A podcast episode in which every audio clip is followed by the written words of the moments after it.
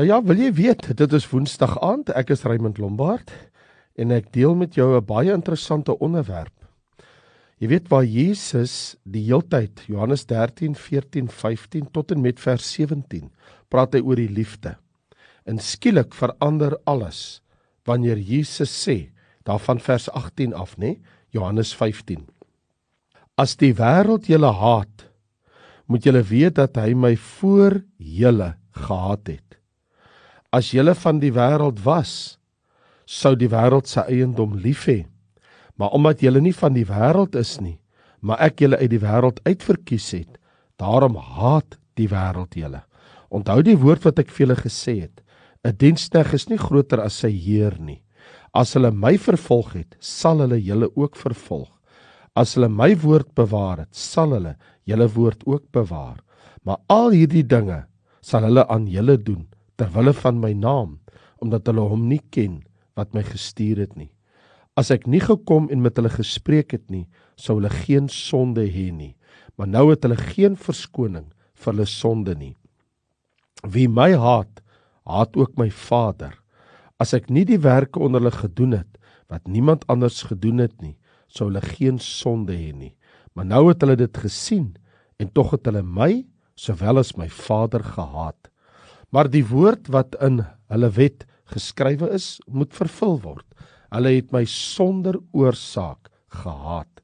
Maar as die trooster gekom het, wat ek vir julle van die Vader sal stuur, die Gees van die waarheid wat van die Vader uitgaan, sal hy van my getuig. En julle getuig ook, omdat julle van die begin af met my is. Hierdie ding het ek vir julle gesê sodat julle nie mag struikel nie.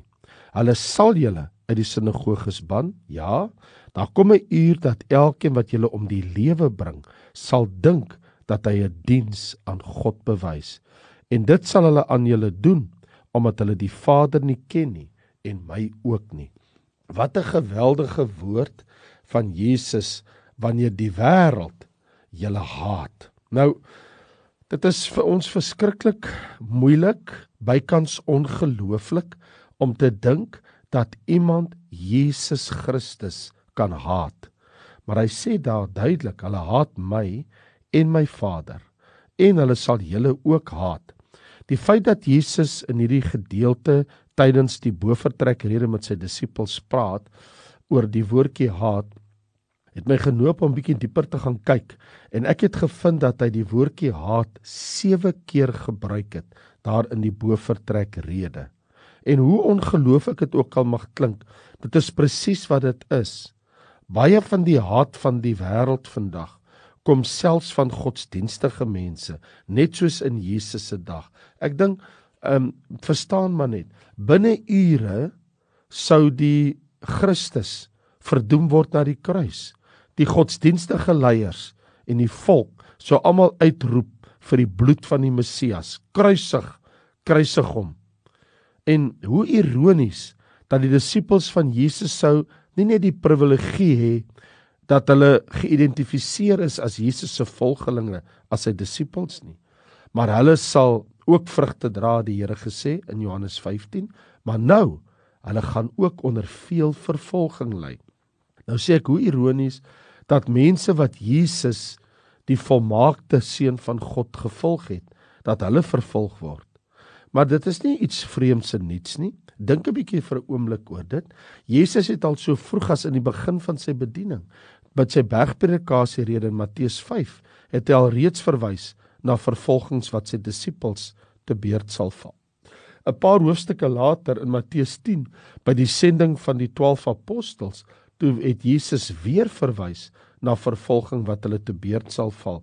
En 'n paar hoofstukke later, in Matteus 23, het Jesus vir sy disippels vertel dat die godsdienstige leiers sal hulle, sy disippels, ook eendag vervolg.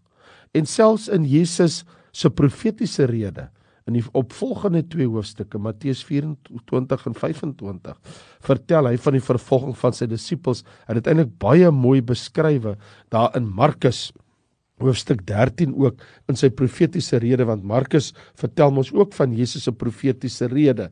In Markus sê vir ons daar in hoofstuk 13 dat Jesus dan gesê het En ek lees nou spesifiek, as jy wil dan van vers 9 af waar Jesus vir hulle sê, ja, hy sê wees op julle hoede, hulle gaan julle oorlewer in regbanke, in sinagoges sal julle geslaan word, voor goewerneurs en konings gaan julle gebring word tot 'n getuienis vir my. Die evangelie moet verkondig word, hulle gaan julle weglei en julle oorlewer. Moenie kwel wat julle sal sê nie, die Heilige Gees sal vir julle sê wat om te sê. Die een broer sal die ander tot die dood oorlewer, die vader sy kind, die kind sal teen die ouers opstaan, hulle selfs doodmaak en julle, dis Markus 13:13, 13, sal deur almal gehaat word ter wille van my naam. Maar wie volhard tot die einde toe, hy sal gered word. So Jesus het dit aan hulle baie duidelik gestel. Julle sal deur almal gehaat word ter wille van my naam. So en nou hier in Jesus se laaste 2-3 ure wat hy met sy disippels kan praat voordat hy gevangene geneem word, herinner hy hulle daaraan en dit is dat die wêreld sal julle haat en sal julle vervolg en julle sal onder baie verdrukkinge ly. Ek bedoel vers 18 en 19 is mos nou duidelik daar in Johannes 15.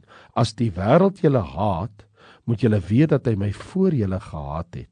As julle van die wêreld was, sou die wêreld se eiendom lief hê, maar omdat julle nie van die wêreld is nie, maar ek julle uit die wêreld uit verkies het, daarom haat die wêreld julle.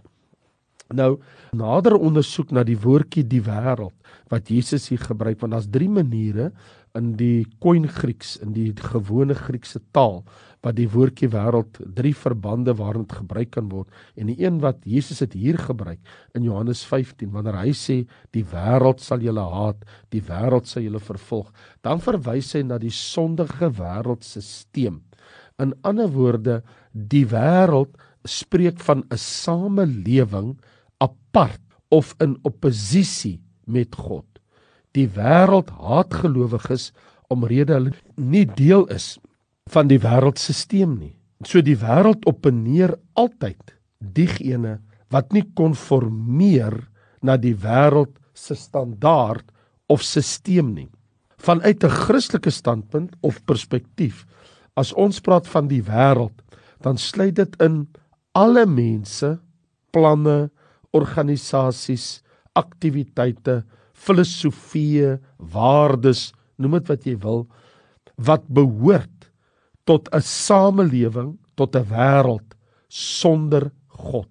Dus ek weet dat ek en jy as kinders van die Here ons wie sê dat ons Christene is. Daar's twee dinge wat ons nie kan doen nie. Een is ons kan nie die wêreld lief hê nie. Dit is nie waarvoor ons geroep is nie. 1 Johannes hoofstuk 2 staan tog duidelik van vers 15 moenie die wêreld lief hê of die dinge wat in die wêreld is nie. As iemand die wêreld liefhet dan is die liefde van die Vader nie in hom nie. Want alles wat in die wêreld is die begeerlikheid van die vlees die begeerlikheid van die oë en die grootsheid van die lewe is nie uit die Vader nie maar is uit die wêreld en die wêreld gaan verby en sy begeerlikheid maar hy wat die wil van God doen, bly vir ewig. So duidelik kan ons mos nou waarneem hier uit die woord uit dat die kind van die Here kan nie 'n liefde kweek vir die wêreld nie, want die wêreld het nie plek, het nie tyd vir Christus nie, ook nie vir Christene nie. En daarom kan ek en jy nie 'n liefde vir die dinge van die wêreld hê nie. Ook mag ek en jy nie konformeer na die wêreld se standaard nie. Dis tog duidelikheid Romeine 12 vers 1 en 2 wanneer Paulus sê: "Stel julle liggame as 'n lewende heilige aan God welgevallige offer.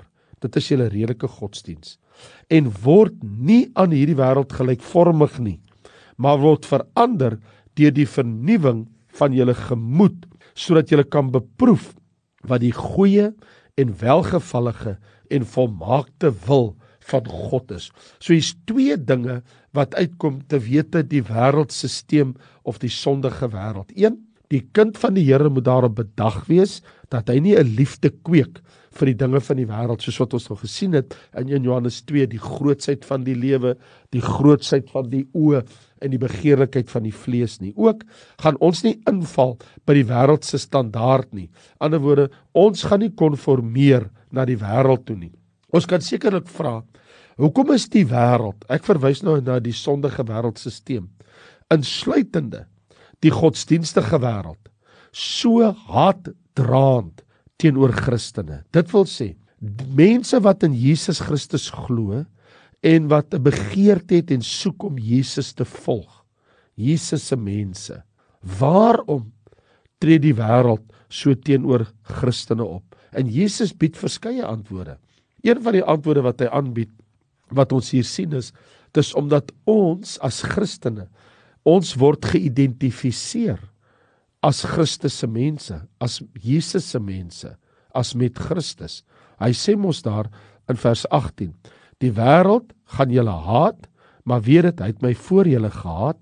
Die wêreld omdat julle nie meer van die wêreld is nie, want die wêreld het sy eiendom lief, maar julle is nie meer van die wêreld nie. Ek het julle uitverkies. Daarom haat die wêreld julle. So as jy wonder as kind van die Here, maar hoekom haat die wêreld Christene? Jesus sê omdat ek julle uit die wêreld uitverkies het.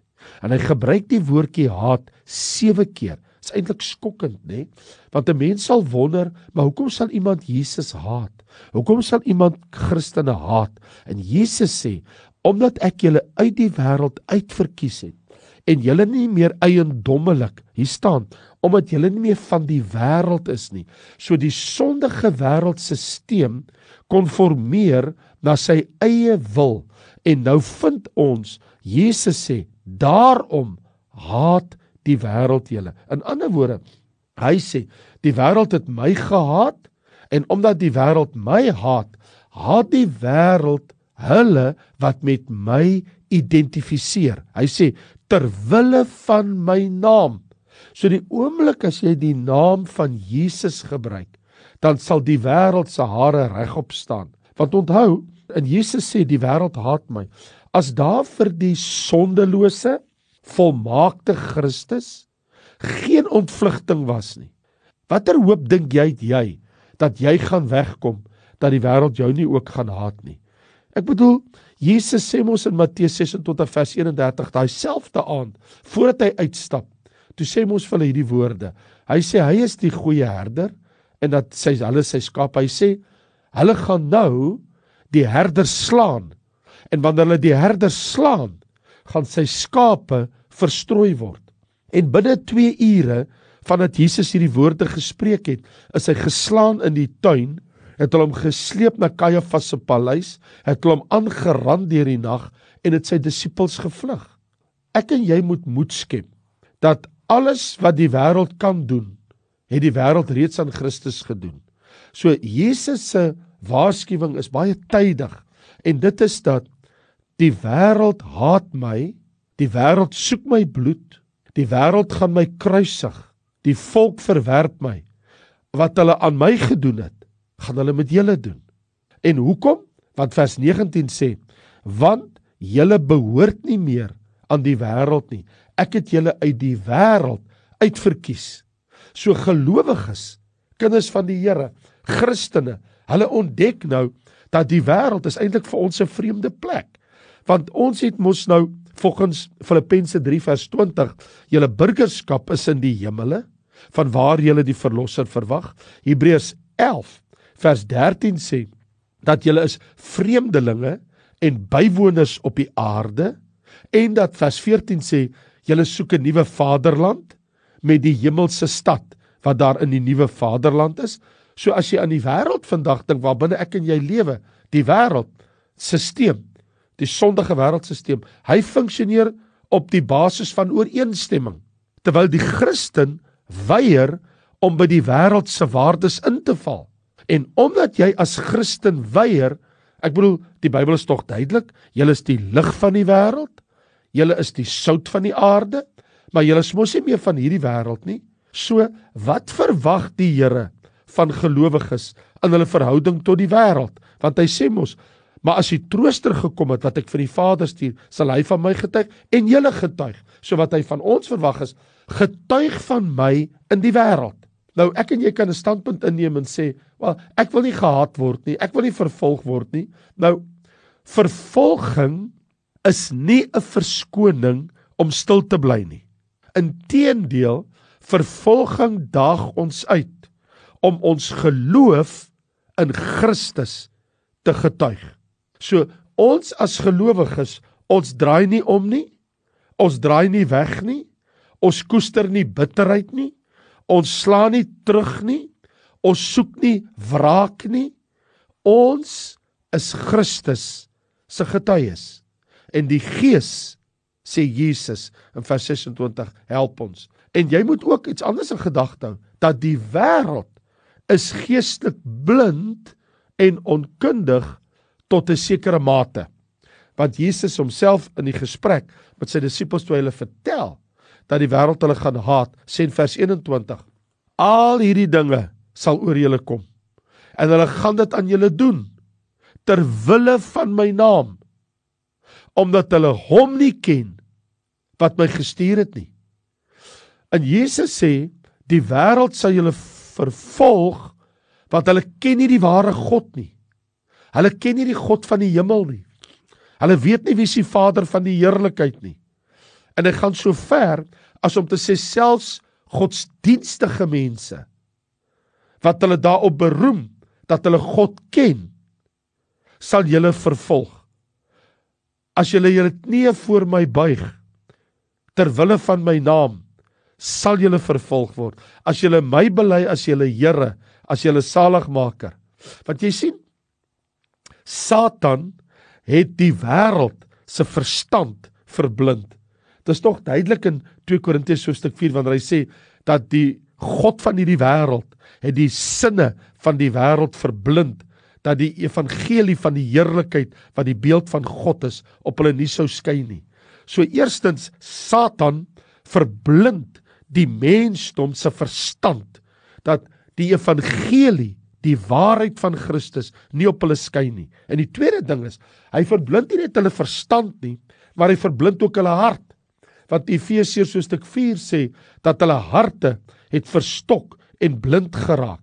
In ander woorde, selfs in hulle eie hart kan hulle nie die godswaarheid sien nie. Daar staan mos en hulle is vervreemd van die lewe van God deur die verharding en die ongevoeligheid van hulle hart.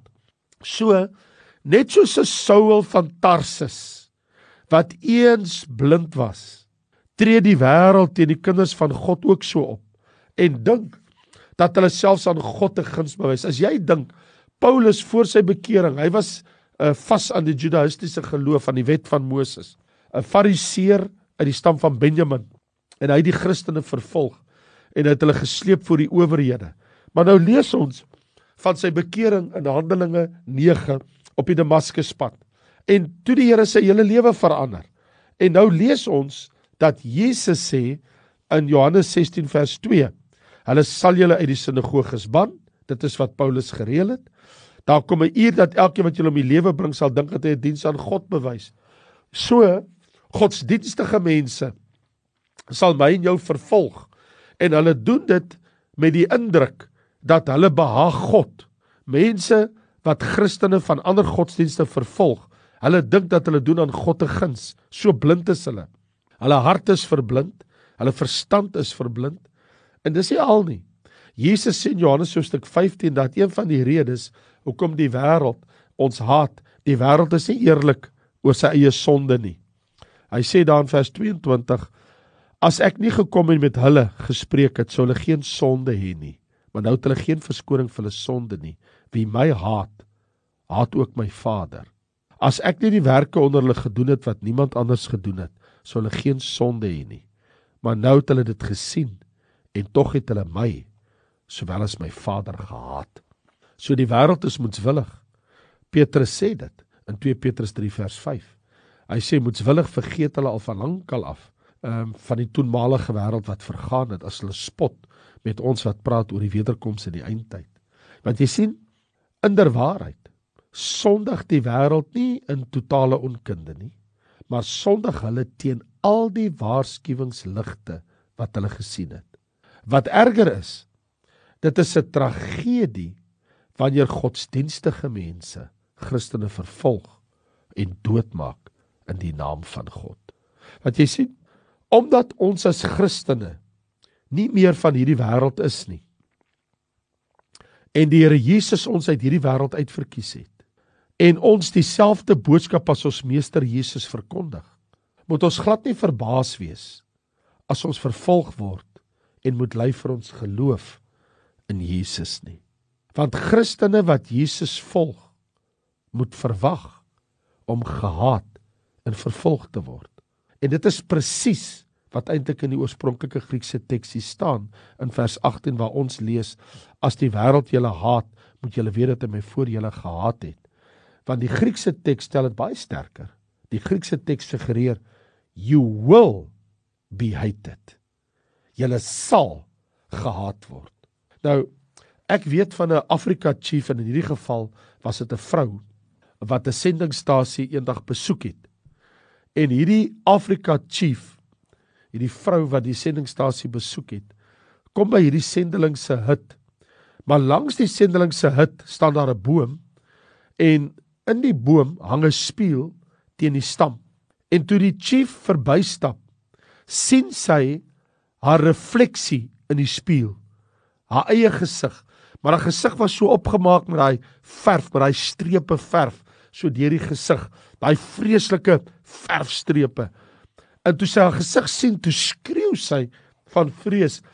En sy sê vir die sendeling: "Wie is daai vreeslike persoon wat vir my kyk uit die boom uit?" En eh, en hy lag en hy sê nee, dis nie sig in die boom nie. Dis 'n spieël. Dit is 'n refleksie van jou eie gesig. Jy sien jou eie gesig met al hierdie strepe en hierdie verf. En hierdie Afrika chief vrou, sy smeek die sendelinge sê asseblief, ek wil hierdie spieël hê. Geef vir my hierdie spieël. En die sendeling bly staan en sê nee. Ek kan nie dit doen nie. Ek kan dit nie vir jou gee nie. Nee, maar ek sal dit by jou koop en hy's nee, ek wil dit nie verkoop nie.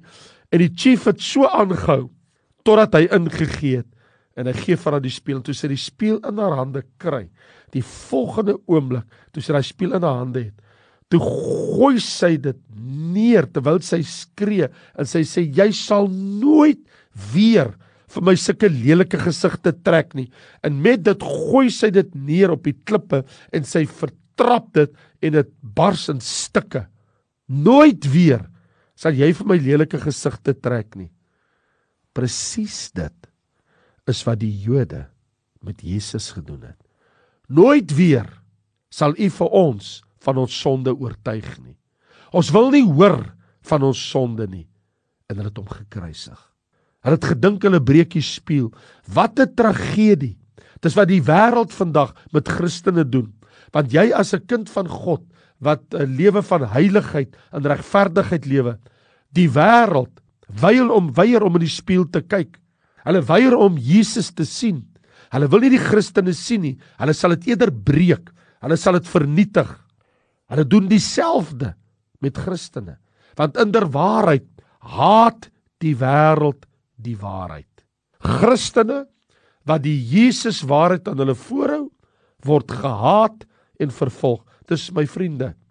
Moenie verbaas wees as jy as kind van God vervolg word of dit subtiel is of dit in die openbaar is of mense opmerkings oor jou maak of hulle jou 'n dowe oor gee, hulle rug op jou draai, smalend teenoor jou optree of jouselfs vermy of nie by jou wil sit om met jou gesprek voer nie omdat jy deel van iets anders is.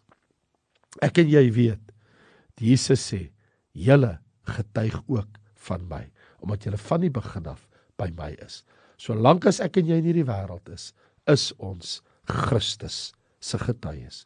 Vader, Jesus het vir ons so mooi kom leer dat die wêreld haat my, haat die Vader en haat my disippels, my kinders. Here, ons verstaan dat ons is nie meer van hierdie wêreld nie. Ons is vreemdelinge, ons is bywoners, ons is pelgrimsreisigers. Die wêreld is not our home anymore. Ons is op pad na die hemelse stad, na ons Vader en sy seun Jesus. Here gee ons die genade en die krag om ten spyte van die aanslag van die wêreld, ten spyte van wat die wêreld sê en doen en die haat van die wêreld, om die liefde van Jesus steeds voort te hou en om Jesus se getuies te wees in hierdie wêreld. Here, maak my ook u getuie in hierdie wêreld in Jesus naam. Amen. Ek is Raymond Lombard en ek groet vir jou. Jy's altyd welkom vir ons te kom kuier daar by Volle Evangelie Kerk, Lewende Woord Gemeente te Tyger en Parow. As jy nie weet waar dit is nie, oorkant Tygerberg Hoërskool. sien jou daar. Die Here seën. Sondag aand gesels ons weer by Fokus op die Woord en volgende Woensdag is ek weer terug. Woensdae aande, Sondag aande, Fokus op die Woord aande. Baie dankie en totsiens.